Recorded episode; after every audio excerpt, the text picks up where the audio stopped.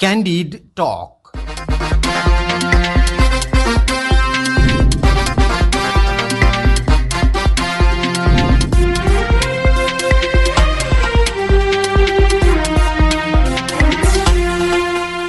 नमस्कार क्यान्डिड टकमा तपाईँलाई स्वागत छ म कमल राणा रेडियो क्यान्डिडको प्रस्तुति कार्यक्रम क्यान्डिड टक तपाईँले शनिबार बाहेक हरेक दिन बिहान साढे छ बजीबाट सात बजीसम्म आधा घण्टासम्म सुन्दै आइरहनु भएको छ। समसामयिक विषयमा कुराकानी हुने यो कार्यक्रम तपाईँले काठमाडौँ उपत्यका र आसपासका जिल्लामा बयानब्बे दशमलव सात मेगा हर्ज रेडियो क्यान्डिडको आधिकारिक फेसबुक पेजमा हाम्रो पात्रमा रेडियो क्यान्डिडको एप्स डाउनलोड गरेर र पोडकास्टमा समेत सुन्न सक्नुहुन्छ। सत्तारूढ दल नेपाली कङ्ग्रेसको चौधौँ महाधिवेशनका लागि तय गरिएको स्थानीय तह र क्षेत्रीय अधिवेशनहरूको कार्यतालिका हेरफेर हुने भएको छ। हिजो सिंहदरबारमा बसेको पदाधिकारी बैठकले दशैं अघि वडा र पालिका अधिवेशन सम्पन्न गर्ने सहमति जुटाएको हो। यसले प्रदेश र प्रतिनिधि सभा निर्वाचन क्षेत्रका अधिवेशन समेत प्रभावित हुने भएको छ। महाधिवेशन नजिकै जाँदा अझै पनि तेह्र जिल्लामा कङ्ग्रेसको क्रियाशील सदस्यता विवाद कायमै छ। यसै गरी कङ्ग्रेस नेतृत्वको सरकार गठन भएको साढे दुई महिना पुग्न लाग्दा पनि मन्त्री परिषदले पूर्णता पाउन सकेको छैन। प्रधानमन्त्रीले छलफल नै नगरी मन्त्री चयन गरेको भन्दै संस्थापन इतर पक्ष वरिष्ठ नेता रामचन्द्र पौडेलले असन्तुष्टि जनाउनु भएको छ। आजको कार्यक्रम क्यान्डिड टकमा हामी कङ्ग्रेसको आसन्न महाधिवेशनमा सभापतिका लागि उम्मेद्वारी घोषणा गरिसक्नुभएका केन्द्रीय सदस्य कल्याण गुरुङसँग पार्टीको महाधिवेशनदेखि सरकार विस्तारसम्म कङ्ग्रेसभित्र देखिएको विवाद लगायतका विषयमा कुराकानी गर्दैछौ। यति बेला उहाँ हाम्रो टेलिफोन सम्पर्कमा आइसक्नु भएको छ। यहाँलाई क्यान्डिड टकमा स्वागत छ। धन्यवाद। फेरि पनि कङ्ग्रेसको महाधिवेशनको कार्यतालिका हेरफेर गर्नुभयो होइन त? हेरफेर भइसकेको छैन। हजुर। कुराकानी चलिरहेको छ। सरसल्लाह पदाधिकारी पूर्व पदाधिकारीको बैठकमा सबै तहका अधिवेशनहरू एकैचोटि गर्ने भन्ने किसिमको प्रस्तावहरू आयो तर त्यसमा कुनै निर्णय हुन सकेन। वडा तहका अधिवेशनहरू सम्पन्न भइसकेपछि मात्रै पालिका तहका प्रदेश स्तरीय क्षेत्रीय तहका लगायत सबै तहका चाहिँ अधिवेशनहरू हुनुपर्छ भन्ने प्रस्ताव आयो तर त्यसमा छलफल जारी छ। तर दसैँ अघि वडा र पालिका अधिवेशन सम्पन्न गर्ने सहमति भयो भन्ने छ नि त। अनौपचारिक कुराकानी भएको हो। अब त्यसमा पूर्ण रूपमा कुनै एकदम निर्णय ठोस निर्णयमा पुगिसकेको स्थिति छैन। अब तेह्र जिल्लाको क्रियाशील सदस्यता विवाद नटुङ्गिँदा वडा र पालिका अधिवेशनको तालिका नै परिवर्तन गर्नुपर्ने अवस्था देखिएको छ। फेरि पनि तपाईँहरूले भने जस्तो निर्धारित समयमै अधिवेशन हुन्छ भन्नेमा शङ्का त कायमै रह्यो नि होइन? निर्धारित तोकिएको मितिमा नै केन्द्रीय महाधिवेशन गर्नुपर्छ। त्यसैले केन्द्रीय महाधिवेशन मङ्सिर महिनामा छ। मङ्सिर महिनामा भएको कारणले बिचमा धेरै समय छ। मलाई लाग्छ दसैँ तिहारपछि सुरु गर्दाखेरि पनि हामी मङ्सिरमा केन्द्रीय महाधिवेशन गर्न सक्छौँ। तर मुख्य कुरा के हो भने सबै तहका अधिवेशनहरू एउटा तहको अधिवेशन एउटै डेटमा यदि गर्ने हामीले परम्परा विगतमा पनि थियो।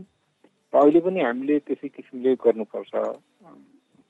किनकि एउटै डेटमा यदि हामीले गरेनौँ एउटै तहका अधिवेशनहरू भने त्यसले ल्याउन सक्ने जुन नकारात्मक असरहरू छन् त्यसले भोलि पार्टीभित्र चाहिँ एक किसिमले जुन सकारात्मक परिणाम दिनुपर्ने हो त्यो सकारात्मक परिणाम दिन सक्दैन र त्यस त्यो सकारात्मक परिणाम आउन नसक्दा त्यसको प्रत्यक्ष असर भोलि स्थानीय तहको निर्वाचन प्रदेश तहको निर्वाचन र सङ्घीय तहको निर्वाचनमा पर्न सक्छ। त्यसैले सबैले गम्भीरतापूर्वक सोचौँ गम्भीरतापूर्वक सोचेर एउटा तहको अधिवेशन एक दिनमा सम्पन्न हुने गरी एउटै दिन देशभरि नै एकै दिनमा सम्पन्न हुने गरेर यदि हामीले गर्न सक्यौँ भने त्यसले सकारात्मक परिणाम दिन सक्छ र त्यो दिशातर्फ सबैजना अग्रसर हुनुपर्छ जस्तो मलाई लाग्छ।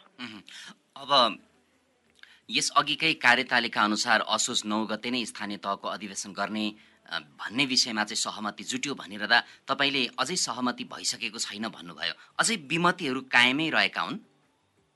मुख्य वडा तहको अधिवेशनहरू सम्पन्न भइसके सबै वडा तहका छ हजार सात सय त्रिपन्नै वडा तहका अधिवेशनहरू सम्पन्न भइसकेपछि पालिका तहको अधिवेशनहरू सुरु गरौँ भन्ने एक प्रकारको प्रस्ताव आएको छ अर्को प्रस्ताव चाहिँ होइन बाँकी रहेको वडा अधिवेशनहरूको तालिका निर्वाचन समितिले तोक्नेछ तर अहिले जस जसको वडा तहको अधिवेशनहरू सम्पन्न भइसक्यो तिनको पालिका तहका अधिवेशनहरू गरौँ र यसरी गर्दाखेरि जुन डेट हो नौ गते गर्ने भनेर जुन अगाडि डेट छ ती नौ गते नै गरौँ भन्ने अर्को प्रस्ताव आएको छ। दुइटैमा छलफल जारी छ तर निष्कर्षमा पुगिसकेको स्थिति छैन। अझै पनि तेह्र जिल्लामा विवाद मिल्न नसक्नुको पछाडिको मुख्य कारण चाहिँ के हो? मलाई त्यो आफै म बुझ्न सकिरहेको छैन किन चाहिँ यी जिल्लाहरूमा विवाद राखिएको छ। किनकि नेपाली कङ्ग्रेसको विधान छ नेपाली कङ्ग्रेसको नियावली छ। नेपाली कङ्ग्रेसको केन्द्रीय कार्य समितिले गरेका निर्णयहरू छन् केन्द्रीय परिपत्रहरू छन् र क्रियाशील सदस्यता छान केन्द्रीय क्रियाशील सदस्यता छानबिन समितिले कसरी काम गर्ने भनेर बनाएको मापदण्ड छ। यी सबैको आधारमा चाहिँ एकैचोटि निर्णय भएर एकैचोटि वडाहरूको अधिवेशन हुनुपर्ने थियो तर एकैचोटि अधिवेशन हुन सकेन। जुन पालो पालो गरेर वडाहरूको अधिवेशन भएको छ यो आफैमा एउटा नकारात्मक यसले चाहिँ सकारात्मक म्यासेज दिन्छ दिँदैन भोलिको दिनमा थाहा हुन्छ। त्यसैले सकारात्मक म्यासेज दिने किसिमले जुन नेपाली कङ्ग्रेसको विधान नियावली केन्द्रीय कार्यसमितिका निर्णयहरू केन्द्रीय परिपत्रहरू तर केन्द्रीय क्रियाशील छानबिन समितिले बनाएको क्रियाशील संस्थाको सम्बन्धमा जुन मापदण्ड बनाएको छ त्यो मापदण्डको परिधिभित्र रहेर सबै जिल्लाहरूको क्रियाशील सदस्यता टुङ्ग्याउनु पर्ने हो। तर यहाँ यी सबै कुरालाई बिर्सेर जसरी चाहिँ क्रियाशील संस्था टुङ्ग्याउने काम भइरहेको छ यसले भविष्यमा सकारात्मक परिणाम दिने अपेक्षा कम गर्न सकिन्छ। अब तपाईँले भने जस्तै सकारात्मक परिणाम दिने सम्भावना त कम देखियो। यद्यपि क्रियाशील सदस्यता वितरणमा नेतृत्वले चाहिँ अलिकति हस्तक्षेप गर्यो भन्ने पनि छ।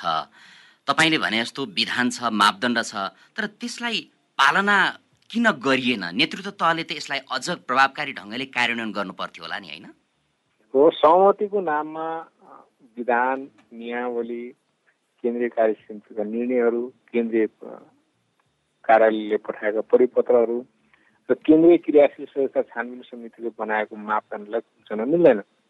त्यसैले सहमतिको नाममा यी सबै प्रक्रियाहरूलाई हामीले कुल्च्यौँ भने भोलि चाहिँ के छ भने प्रक्रियाहरू को कुनै महत्त्व रहँदैन। र भोलिका दिनमा एउटा नजिर बन्छ। र यो नजिरले आगामी दिनमा जुन महाधिवेशन हुनेछ पन्ध्र महाधिवेशन त्यो पन्ध्र महाधिवेशनमा अझ बढी क्रियाशील संस्था सम्बन्धी जटिलताहरू थपिन सक्ने सम्भावना हुन्छ। त्यसैले भविष्यमा आउन सक्ने गम्भीर प्रकृतिका समस्याहरूलाई यदि हामीले अहिलेदेखि नै निराकरण गर्दै गयौँ भने त्यो एउटा नजिरको रूपमा रहन्छ र त्यो नजिरले भोलि आउन सक्ने गम्भीर नकारात्मक परिणामहरूलाई रोक्न सक्छ जसले पार्टीलाई एउटा सकारात्मक सन्देश दिन सक्छ पार्टीमा एउटा चाहिँ सकारात्मक परिणामहरू आउने अपेक्षा गर्न सकिन्छ। तर सहमतिको नाममा सबै प्रक्रियाहरूलाई समाप्त गरिदिने होइन? र सहमतिको नाममा चाहिँ डकुमेन्ट बगेर निर्णय गर्दै जाने सहमतिको नाममा चाहिँ क्रियाशील संस्थाहरू थपिँदै जाने क्रियाशील संस्थाहरू हटाइँदै जाने या क्रियाशील संस्था सम्बन्धी जुन कामहरू त्यो गर्दै जाने हो भने त्यसले चाहिँ जुन विधानले तोकेको प्रक्रियाहरू छन् या केन्द्रीय क्रियाशील छानबिन समितिले बनाएको मापदण्ड छ पार्टीको नियमावली छ केन्द्रीय कार्य समितिका निर्णयहरू छन् केन्द्रीय परिपत्रहरू छन् यी सबैलाई कुल्चेर बिना डकुमेन्ट हामीले निर्णय गर्न थाल्यौँ भने त्यसले भोलिको दिनमा सकारात्मक परिणाम दिन्छ जस्तो मलाई लाग्दैन। त्यसैले सहमतिको नाममा थपेको थपै गर्ने या सहमतिको नाममा हटाएको हटाए गर्ने केही सीमित व्यक्तिहरू विधानभन्दा माथि हुँदैन। अब यो आफ्नो मत बलियो बनाउनका लागि गरिएका यी गतिविधिलाई कङ्ग्रेसले कहिले शुद्धिकरण गर्छ? गर्नुपर्छ। त्यसैले अब पार्टीको महाधिवेशन आउँदैछ। त्यसैले पार्टीको महाधिवेशनमा नेतृत्वमा प्रतिस्पर्धा हुन्छ र यी कुराहरू यी मुद्दाको रूपमा उठ्छन्। र केन्द्रीय नेतृत्वमा जो प्रतिस्पर्धा गर्नुहुन्छ उहाँहरूले जवाब दिनुपर्छ।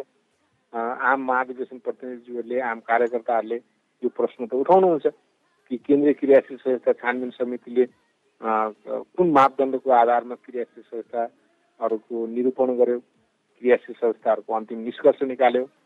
दोस्रो सबै तहका एउटा तहको अधिवेशन एकै दिनमा गर्ने जुन परम्परा थियो त्योलाई चाहिँ गरेर अहिले चाहिँ किस्ताबन्दीको रूपमा जुन वडाहरूको अधिवेशन भइरहेको छ या किस्ताबन्दीको रूपमा भोलि पालिकाहरूको अधिवेशन हुने किस्ताबन्दी रूपमा चाहिँ प्रदेश स्तरीय क्षेत्रीय समितिको अधिवेशन हुने किस्ताबन्दी रूपमा चाहिँ क्षेत्रीय कार्य समितिको अधिवेशन हुने हो भने त्यसले सकारात्मक परिणाम दिन सक्दैन सकारात्मक सन्देश पनि जाँदैन। अब यो तपाईँले भने जस्तो सकारात्मक सन्देश जाँदैन परिणाम दिँदैन भनेर भइरहेको त्यस्तो छ होइन? त्यही नै भइरहेको छ। अब गर्ने के त? अब गर्ने के हो भने पार्टीको केन्द्रीय कार्य समितिको बैठक डाक्ने पार्टीको केन्द्रीय कार्य समितिबाट निर्णय गर्ने कि एउटा तहको अधिवेशन एक दिनमा गरिसक्ने। अनि एउटा जसरी हामीले कार्यतालिका निकाल्दाखेरि कुनै पनि तहको अधिवेशन एक दिनमा गर्ने भनेर निकालेका छौँ नि त कार्यतालिका। तर त्यो कार्यतालिका प्रभावित भयो भनेर हामीले चाहिँ केही किस्ताबन्दी रूपमा चाहिँ अधिवेशन गर्ने हो भने त्यसले राम्रो सन्देश जाँदैन। भोलिको दिनमा त के हुन्छ भने आज दुई तह तिन तहमा अधिवेशन होला। भोलि चौध के छन् त्योभन्दा बढेर चारौँ तह पाँचौँ के छन् तह छैटौँ तह सातौँ तह दसौँ पन्ध्रौँ सोह्रौँ तहबाट अधिवेशन हुने हो भने कति दिनसम्म अधिवेशन लम्ब्याउँदै जाने त? यो विषय तपाईँहरूले बैठकमा उठाउनु भएको छैन पार्टीको बैठकमा? त्यसपछि पार्टीको बैठकै बसेको छैन केन्द्रीय कार्य समितिको बैठकै बसेको छैन। केन्द्रीय कार्य समितिको बैठक बस्यो केन्द्रीय कार्य समितिको बैठक बसेर एउटा कार्यतालिका त्यो त्यो कार्यतालिकालाई चाहिँ अस्ति फेरि केन्द्रीय कार्य समितिको बैठक नबसिकन परिवर्तन भयो। त्यसैले कार्यतालिका परिवर्तन गर्ने अधिकार केन्द्रीय कार्य समितिलाई मात्रै छ। तर अस्ति केन्द्रीय कार्य समितिको बैठक नबसिकन केन्द्र चाहिँ केन्द्रीय यो महाधिवेशनको कार्यतालिकाहरू तल्लो तहका जुन अधिवेशनका कार्यतालिकाहरू परिवर्तन भयो। अब हिजो बसेको पदाधिकारी बैठकको निर्णयलाई चाहिँ तपाईँहरूले मान्नुहुन्छ कि हुन्न यस्तो अवस्थामा? पदाधिकारी पूर्व पदाधिकारीको हाम्रो विधानमा व्यवस्था छैन त्यो एउटा समझदारीमा चलेको हो। त्यसले कुनै वैधानिक मान्यता पनि पाउँदैन होइन? उहाँहरूले गरेको निर्णयहरूको कुनै वैधानिक मान्यता रहँदैन राजनीतिक मान्यता रहन सक्छ होइन? राजनीतिक चाहिँ त्यसको महत्त्व रहन सक्छ तर त्यसको वैधानिक अस्तित्व रहँदैन। किनकि नेपाली कङ्ग्रेसको विधानले पदाधिकारी पूर्व पदाधिकारी भन्ने कुनै समिति छैन। नेपाली कङ्ग्रेसको विधानमा केन्द्रीय समिति छ नेपाली कङ्ग्रेसको विधानमा केन्द्रीय कार्य सम्पादन समिति छ नेपाली कङ्ग्रेसको विधानमा संसदीय समिति छ। अनि यस्ता समितिहरू छन् तर पदाधिकारी पूर्व पदाधिकारीहरूको कुनै समिति छैन र त्यसले कुनै आधिकारिक र वैधानिक निर्णय गर्ने अधिकार पनि राख्दैन। तर पदाधिकारी र पूर्व पदाधिकारीहरूको बैठकले गर्ने निर्णय चाहिँ काङ्ग्रेसमा लागू भएको देखिन्छ। त्यसलाई आधार मानेर अगाडि बढेको देखिन्छ। अब के गर्ने त? तपाईँहरू केन्द्रीय पदाधिकारीले कुनै बसेर कुनै निष्कर्षमा पुग्नुहुन्छ कुनै राजनीतिक सहमति गर्नुहुन्छ भने त्यो त्यसले राजनीतिक महत्त्व राख्छ होइन? तर त्यो राजनीतिक महत्त्व नै वैधानिक हुन्छ भन्ने कुरा हुँदैन। त्यसलाई वैधानिकता दिनको निम्ति उहाँहरूले जे राजनीतिक सहमति गर्नुहुन्छ त्यो राजनीतिक सहमति केन्द्रीय कार्य समितिको बैठकले पास गर्नुपर्छ केन्द्रीय कार्य समितिको बैठकले निर्णय गर्नुपर्छ। अनि मात्र त्यसले वैधानिक अस्तित्व प्राप्त गर्छ। त्यसैले हामीले वैधानिक रूपमा विधिको शासनमा विश्वास गर्ने एउटा लोकतान्त्रिक पार्टी नेपाली कङ्ग्रेसले नेपाली कङ्ग्रेसको विधान अनुसारै आफ्ना निर्णयहरू गर्नुपर्छ। हामी कोही पनि विधानभन्दा माथि छैनौँ। कुनै पनि नेपाली कङ्ग्रेसको समिति विधानभन्दा माथि छैन। कुनै पनि नेपालको संरचनाहरू नेपालको संविधानभन्दा माथि छैनन्। त्यसैले कुनै कुनै पनि संरचनाले भोलि चाहिँ म नेपालको संविधानभन्दा माथि भनेर भन्यो भने अब के भन्छ त्यसले राम्रो म्यासेज जान्छ त्यसले राम्रो म्यासेज जाँदैन नि त। आजको कार्यक्रम क्यान्डिटकमा हामी कङ्ग्रेसको आसन्न महाधिवेशनमा सभापतिका लागि उम्मेद्वारी घोषणा गरिसक्नुभएका केन्द्रीय सदस्य कल्याण गुरुङसँग कुराकानी गरिरहेका छौँ। वडा अधिवेशनकै कुरा गर्न चाहन्छु। जस्तै सभापति शेरबहादुर देवाज्यूको गृह जिल्लामा वडा अधिवेशन सम्पन्न त भइसकेको छ तर पनि त्यहाँ केही असहमति राख्दै वरिष्ठ नेता रामचन्द्र पौडेल पक्षले फेरि अधिवेशन गर्नुपर्ने माग राख्नु भएको छ। राखेको छ होइन? यसको सम्बोधन हुनुपर्छ कि पर्दैन? होइन मेरो एउटै कुरा के हो भने मैले त्यति बेला पनि भनेको थिएँ डडेलधुराको क्रियाशील सदस्यता सम्बन्धी विवाद आउँदाखेरि मैले तत्कालीन संयोजकलाई के भनेको थिएँ भने नेपाली कङ्ग्रेसको डडेलधुरा नेपाली कङ्ग्रेस पार्टीको केन्द्रीय सभापतिज्यूको जिल्ला हो। त्यसैले नेपाली कङ्ग्रेसको केन्द्रीय सभापतिज्यूको जिल्लामा आउने कुनै पनि समस्याहरूलाई समाधान गर्ने हाम्रो दायित्व र प्रमुख कर्तव्य पनि हो। त्यसैले नेपाली कङ्ग्रेसको केन्द्रीय सभापतिज्यू र नेपाली कङ्ग्रेस डडेलधुरा कार्य समितिको सभापति को बिचमा चाहिँ संवाद गराइदिनुहोस् होइन त्यसमा तपाईँले पहल गर्नुहोस् र त्यति बेला आदरणीय सभापतिज्यू प्रधानमन्त्री भइसक्नु भएको थियो त उहाँ प्रधानमन्त्री भएर बालबाटाहरू पनि सरिसक्नु भएको थियो त मैले संयोजकलाई क्रियाशील सदस्य छानबिन समितिको संयोजकलाई भने तपाईँले समय लिनुहोस् होइन डडेलधुराको सभापति पनि काठमाडौँमा आउनुभएको छ। समय लिएर उहाँहरूको बिचमा कुरा गराइदिनुहोस्। अनि पार्टी सभापतिज्यूले कुनै कुरा भन्दा जिल्ला सभापतिले नमान्ने कुरै हुँदैन। तर संवादहीनताको स्थिति भयो भोलि संवाद भएन भने त्यसले चाहिँ भोलि के छ भने दुइटाको बिचमा मिस मिसअन्डरस्ट्यान्डिङ क्लियर असमझदारी चाहिँ उत्पन्न हुन सक्छ होइन? त्यहाँ त सभापतिज्यूको सिधा हस्तक्षेप भएको जस्तो देखियो नि होइन र? म भन्दैछु त्यो असमझदारी उत्पन्न हुन सक्छ तर त्यति भन्दा भन्दै पनि मैले त्यो दुई तिनचोटि उहाँलाई भने दुई तिनचोटि भन्दा पनि उहाँले खासै रेस्पोन्स गर्नु भएन। र केन्द्रीय क्रियाशील सदस्य छानबिन समितिको संयोजकले खासै केन्द्रीय सभापति आदरणीय शेरबहादुर देवा डलधुराको सभापति कर्ण मल्ल बिचमा संवाद गराउने कुनै पनि चासो चाहिँ उहाँले देखाउनु भएको जस्तो मलाई लाग्दैन लागेन। होइन मैले उहाँलाई भनेको थिएँ चाहिँ दुइटाको बिचमा संवाद भएको भए राम्रो हुन्थ्यो। त्यो संवाद मलाई अहिले पनि के भनाइ छ भने यो राजनीतिक रूपले समाधान गर्नुपर्छ डडेलधुराको समाधान समस्यालाई। किनभने यसलाई गुटगत आँखाले हेर्नु हुँदैन। गुटगत आँखाले हेर्ने हो भने यो यो समस्याले अझ बढी जटिलता ल्याउँछ तर देखियो त गुटगत नै देखियो नि यहाँनिर। भन्दैछु त म केन्द्रीय क्रियाशील संस्था छानबिन समितिले निर्णय गरिसकेपछि मैले क्रियाशील संस्था सम्बन्धमा नीतिगत रूपले सोह्रवटा बुदाहरू राखेर मैले लिखित असहमति क्रियाशील सदस्य छानबिन समितिमा पनि राखेँ। केन्द्रीय कार्य समितिको बैठकमा पनि मैले सोह्रवटा बुदा राखेर लिखित रूपले नोट अफ डिसेन्ट लेखेँ लिखित रूपमा असहमति राखेँ। र कुनै पनि व्यक्तिले त्यहाँ नोट अफ डिसेन्ट लेख्नु भएन। कुनै पनि व्यक्तिले। अझ पछि तिन सदस्य समिति बन्यो। तिन सदस्य समितिले बुझाएको प्रतिवेदनलाई पनि सबैजना मिलेर चाहिँ उहाँहरूले चाहिँ लिनुभयो होइन? मैले मात्रै क्रियाशील संस्था सम्बन्धी मैले नोट अफ डिसिसन लेखेको हुँ मैले लिखित रूपले असहमति राखेको त्यसैले मलाई त्यो नैतिक अधिकार छ। तर अरू कसैलाई नैतिक अधिकार छैन? किनकि अरू कसैले पनि क्रियाशील संस्था सम्बन्धी चाहिँ यो गलत भयो भनेर कसैले नोट अफ डिसेन्ट लेख्नु भएको छैन केन्द्रीय समितिको बैठकमा। सबैले क्रियाशील संस्थामा सहमति जनाउनु भएको छ। तपाईँले पनि अब सभापति पदमा उम्मेदवारी घोषणा गरिसक्नु भएको छ। तपाईँसँगै विमलेन्द्र निधि र गोपालमान श्रेष्ठले औपचारिक रूपमा उम्मेदवारी घोषणा गरिसक्नु भएको अवस्थामा सभापतिका लागि किन एकल उम्मेद्वारमा सहमति जुट्न सकेन? तपाईँले पनि छुट्टै गुट अगाडि बढाउन खोज्नु भएको हो कि? प्रतिस्पर्धामा आउनु आफ्नो हुन्छ। प्रतिस्पर्धा के हुन्छ भने तपाईँलाई राजनीतिक व्यक्तिहरूको बिचमा प्रतिस्पर्धा हुनुपर्छ। त्यो हुन्छ जहाँ पनि। तर ओडाको निर्वाचनमा क्षेत्रीय प्रतिनिधि हामी कहाँ कम्तीमा सोह्रजना वडा अध्यक्षसहित सोह्रजना आउन सक्ने व्यवस्था छ। एउटा ओडामा सोह्रजना राजनीतिक व्यक्तित्व भनेको धेरै धेरै सङ्ख्यामा अब ओडाको क्षेत्रीय अधिवेशन प्रतिनिधिमै राजनीतिक व्यक्तिलाई हराउने हो भने त्यही गुट बनाएर चाहिँ प्रतिस्पर्धा गर्दा त्यसको प्रत्यक्ष असर त वडामा पर्छ। वडामा पर्दाखेरि के छ आखिर भोट तपाईँ जुनसुकै तहको निर्वाचन लड्नुहोस् तपाईँ संसदको निर्वाचन लड्नुहोस् या प्रदेशको निर्वाचन लड्नुहोस् या नगरपालिका या गाउँपालिकाको चुनाव लड्नुहोस् या तपाईँ वडाको चुनाव लड्नुहोस्। भोट त वडाबाटै आउने हो नि। भोट त हरेक वडाबाट तपाईँलाई भोट आयो बहुमत भोट आयो भने न तपाईँ जित्नुहुन्छ। यदि सबै वडामा तपाईँ चाहिँ पराजित हुनु भने त तपाईँ सबै तहको निर्वाचनमा पराजित हुनुहुन्छ। त्यो वडा तहमा जुन किसिमले गुट बनाएर चुनाव लड्ने जुन यो परम्परा छ यो चाहिँ गलत हो। एकदमै गलत हो। अन्तिम जिल्ला तहसम्म हामीले सर्वसम्मत गर्न सक्यौँ भने जिल्ला तहसम्म नेतृत्वहरू सर्वसम्मत गर्ने प्रयत्न गर्नुपर्छ प्रयास गर्नुपर्छ त्यसमा अगाडि बढ्नुपर्छ। मैले निश्चित रूपमा नेपाली कङ्ग्रेसको चौधौँ महाधिवेशनमा केन्द्रीय सभापति पदको उम्मेदवारीको दावेदारी गरेको छु। म नेपाली कङ्ग्रेसको चौधौँ महाधिवेशनमा केन्द्रीय सभापति पदमा चुनाव लड्छु। म त्यो अनुसार के छ भने मैले तयारी गरेको छु। र म के छ भने चुनावमा उठ्छु चुनाव लड्छु। र सबैजनाले मतदान गर्ने म चुनाव पनि जित्छु। अब महाधिवेशनमा तपाईँको अरू उम्मेद्वार भन्दा फरक एजेन्डा चाहिँ के हो?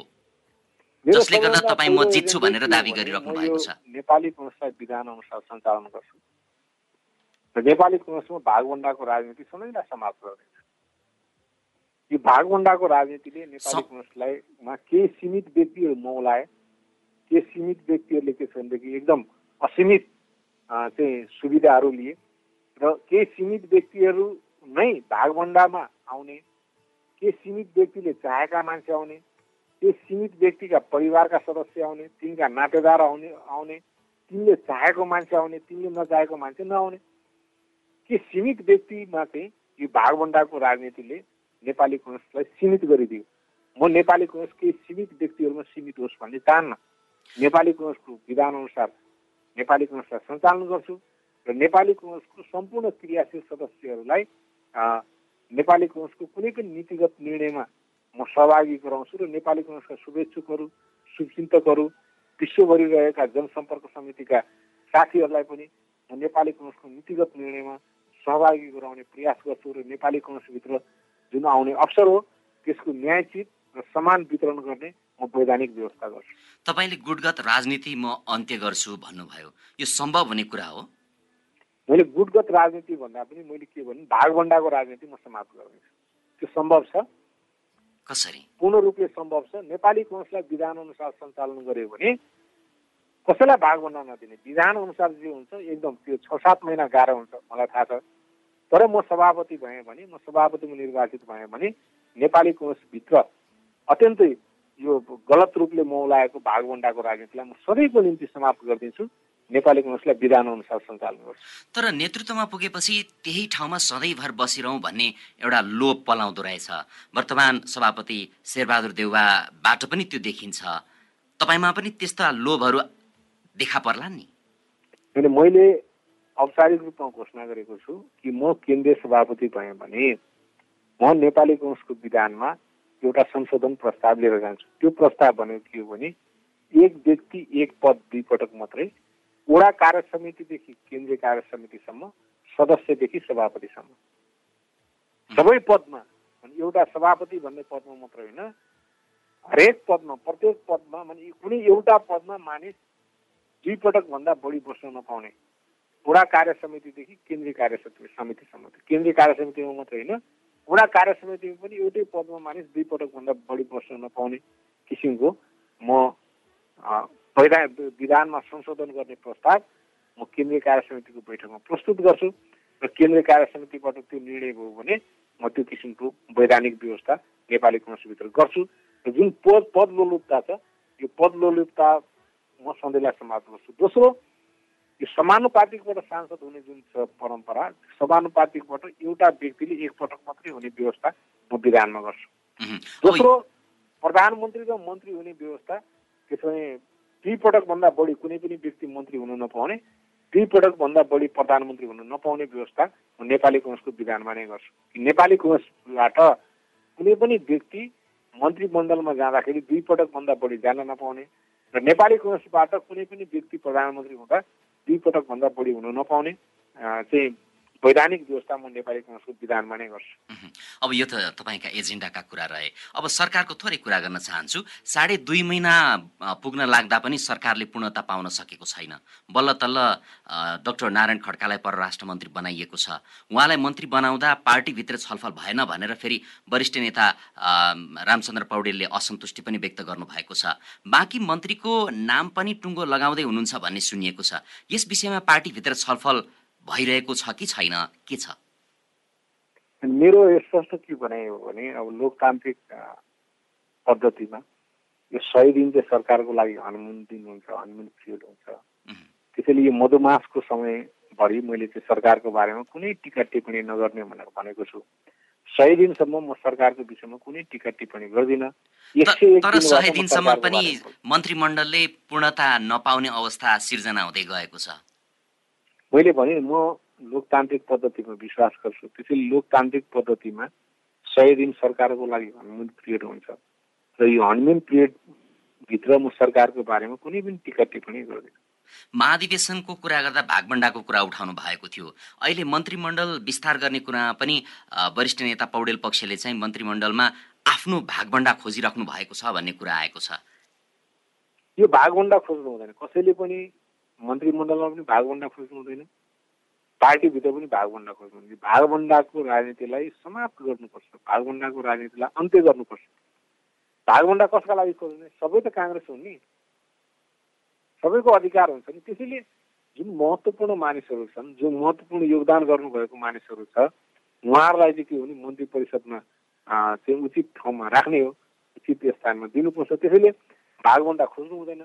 सरकारले चाहिँ तिनवटा काम चाहिँ अहिले गर्नुपर्छ। पहिलो काम शान्ति सुरक्षाको स्थिति हरेक नागरिकलाई मुलुकमा शान्ति सुरक्षाको स्थिति कायम छ भनेर भन्ने सुशासनको महसुस गराउने।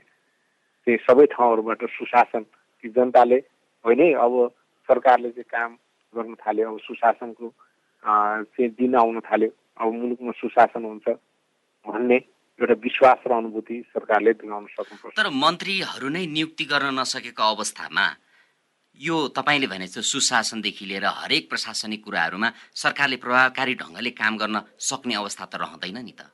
सुशासन मन्त्रीको सङ्ख्यामा निर्भर गर्दैन। सुशासन प्रधानमन्त्रीको दृढ इच्छा शक्तिमा निर्भर गर्छ। त्यसैले किनभने संसदीय व्यवस्थामा प्रधानमन्त्रीले मन्त्रीहरू नियुक्त गर्ने हो मन्त्रीहरू हटाउने हो।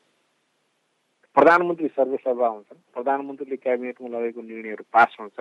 त्यसैले प्रधानमन्त्रीको दृढ इच्छा शक्ति प्रधानमन्त्रीको कार्यशैली र प्रधानमन्त्रीले त्यसैले मुलुकलाई मुलुकका आम नागरिकलाई सुशासनको अनुभूति दिलाउन सक्नुपर्छ। त्यो होइन? अब चाहिँ मुलुकमा शान्ति सुरक्षा कायम हुनेछ शान्ति सुरक्षा बहाल हुनेछ अब मुलुकमा भ्रष्टाचार हुने छैन। मुलुककामा रहेका जति पनि सरकारी निकायहरू छन् ती सरकारी निकायहरूले चाहिँ जनताको सेवामा तल्लीन भएर काम गर्नेछन्। होइन मुलुकमा चाहिँ सुशासन स्थापित हुनेछ शिक्षकहरूले विद्यालय गएर पढाउनेछन्। होइन स्वास्थ्य कर्मीहरूले अस्पताल गएर उपचार गर्नेछन्। कर्मचारीहरूले चाहिँ जनताहरूको सेवा गर्नेछन्। होइन प्रहरीहरू र त्यो सुरक्षाकर्मीहरूले चाहिँ आम जनतालाई चाहिँ सुरक्षाको अनुभूति दिलाउनेछन्। आम जनताले चाहिँ न्याय पाउनेछ भन्ने जुन एउटा आम जनतामा चाहिँ विश्वास जुन चाहिँ कुनै पनि कार्यालयमा सरकारी कार्यालयमा जाँदा चाहिँ कामहरू छिटो सरुती हुने होइन? होस् कहीँ पनि भ्रष्टाचारको गन्ध नहोस् भ्रष्टाचार चाहिँ शून्य होस् शून्य भ्रष्टाचारको स्थिति नेपालमा निर्माण होस्। त्यो किसिमको दृढ इच्छा शक्ति लिएर प्रधानमन्त्रीले काम गर्नुपर्छ प्रधानमन्त्रीले त्यो दृढ इच्छा शक्ति देखाउनुपर्छ। मुलुकमा सुशासनको अनुभूति आम जनताले गर्न पाउने स्थितिको निर्माण चाहिँ प्रधानमन्त्रीले गर्नै पर्छ मुलुकमा भ्रष्टाचार शून्य स्थितिको निर्माण प्रधानमन्त्रीले गर्नै पर्छ त्यसमा उहाँले कुनै बाना खोज्न पाउनुहुन्न। अब मन्त्री नै नियुक्ति नगर्दा महत्त्वपूर्ण निर्णयहरू प्रभावित भइरहेको अवस्था छ। त्यसमा पनि सत्तारूढ दलहरूले मन्त्रीको नाम दिन सकिरहेका छैनन्। दल विभाजन सम्बन्धी अध्यादेश खारेज नभई सरकारमा गयो भने पार्टी फुट्छ भन्ने डर पनि हो। मैले मैले एउटा नबुझेको के हो भने संसदीय व्यवस्थामा प्रधानमन्त्री सदस्य प्रधानमन्त्रीले मन्त्रीहरू नियुक्ति गर्ने। बढीमा मन्त्री बढी सङ्ख्या हो बिसजना। चारजना मन्त्रीले देशै चलाउन पाउँदैन या देशै चलाउन सक्दैन भनेर संविधानको कुनै धारामा लेखेको छ र। छैन नि पाँचजनाले देशै चला जति सानो मन्त्रीमण्डल हो त्यति राम्रो हो नि। त्यसै जति सानो मन्त्रीमण्डल हो त्यति काम गर्न सक्छन् होइन? बढीमा त्यतिजना भने पहिले पनि धेरै ठुलो ठुलो मन्त्रीमण्डल भयो भनेर चाहिँ गुनासो आएपछि सानो मन्त्रीमण्डल बनाउने भनेर पच्चिसजनाको बनायो त्योभन्दा सानो हुन्छ भने त अझ राम्रो हो नि। त्यसैले मन्त्रीहरू कम नियुक्त भयो भनेर त्यसले कामै गर्न सकेन काम गर्न पाइन भनेर बाहना खोज्नु कसैले पनि हुँदैन। होइन यो त यो सानो मन्त्रीमण्डलबाटै सरकार चलाउने भनेर निर्णय गरिएको अथवा त्यो किसिमले अगाडि बढेको भए त हुन्थ्यो। तर मन्त्री नियुक्ति गर्न खोजिराखिएको छ मन्त्री परिषद विस्तार गर्न पनि प्रयास भइरहेको छ अनि दलहरू चाहिँ आफ्नो आफ्नो भागभण्डामा अड्किनु त गलत हो नि होइन र? त्यो त गलत हो त्यो त गलत हो र त्योभन्दा पनि गलत कुरा के हो भने मन्त्रीहरू भए पनि नभए पनि सरकारले मन्त्रीलाई पर्खेर काम रोक्ने होइन नि त। सरकारले आफ्नो काम गर्दै जाने हो किन मन्त्रालयले काम रोक्नु मिल्दैन? प्रधानमन्त्रीको मातहतमा जति पनि मन्त्रालयहरू छ ती मन्त्रालयहरूले प्रधानमन्त्रीसँग सल्लाह गर्ने प्रधानमन्त्रीसँग सल्लाह गरेर काम गरेर अगाडि बढ्ने। काम किन रोक्ने? काम रोक्न त मिल्दै मिल्दैन। त्यसैले सामान्य प्रधानमन्त्रीज्यूले पनि देशमा सुशासनको अनुभूति दिलाउनै पर्छ। मुलुकमा भ्रष्टाचार भ्रष्टाचार सुन्ने वातावरणको निर्माण उहाँले गर्नै पर्छ त्यसैले उहाँले मन्त्रीहरू सङ्ख्या थप्ने नस थप्ने उहाँको अधिकारभित्रको कुरो। उहाँले थप्ने नथप्ने जुन गठबन्धन दलहरू छन् गठबन्धन दलहरूसँग सल्लाह गरेर यदि थप्ने भए गठबन्धन दलहरूले जे नाम दिन्छन् त्यो नामलाई उहाँहरूले उहाँले मन्त्रीमा चाहिँ नियुक्त गर्ने। यदि नाम दिँदैनन् भने जतिजना छ त्यसमा सरकार चलाउने। हवस् त। कार्यक्रममा समय दिनुभयो। यहाँलाई धेरै धेरै धन्यवाद। धन्यवाद।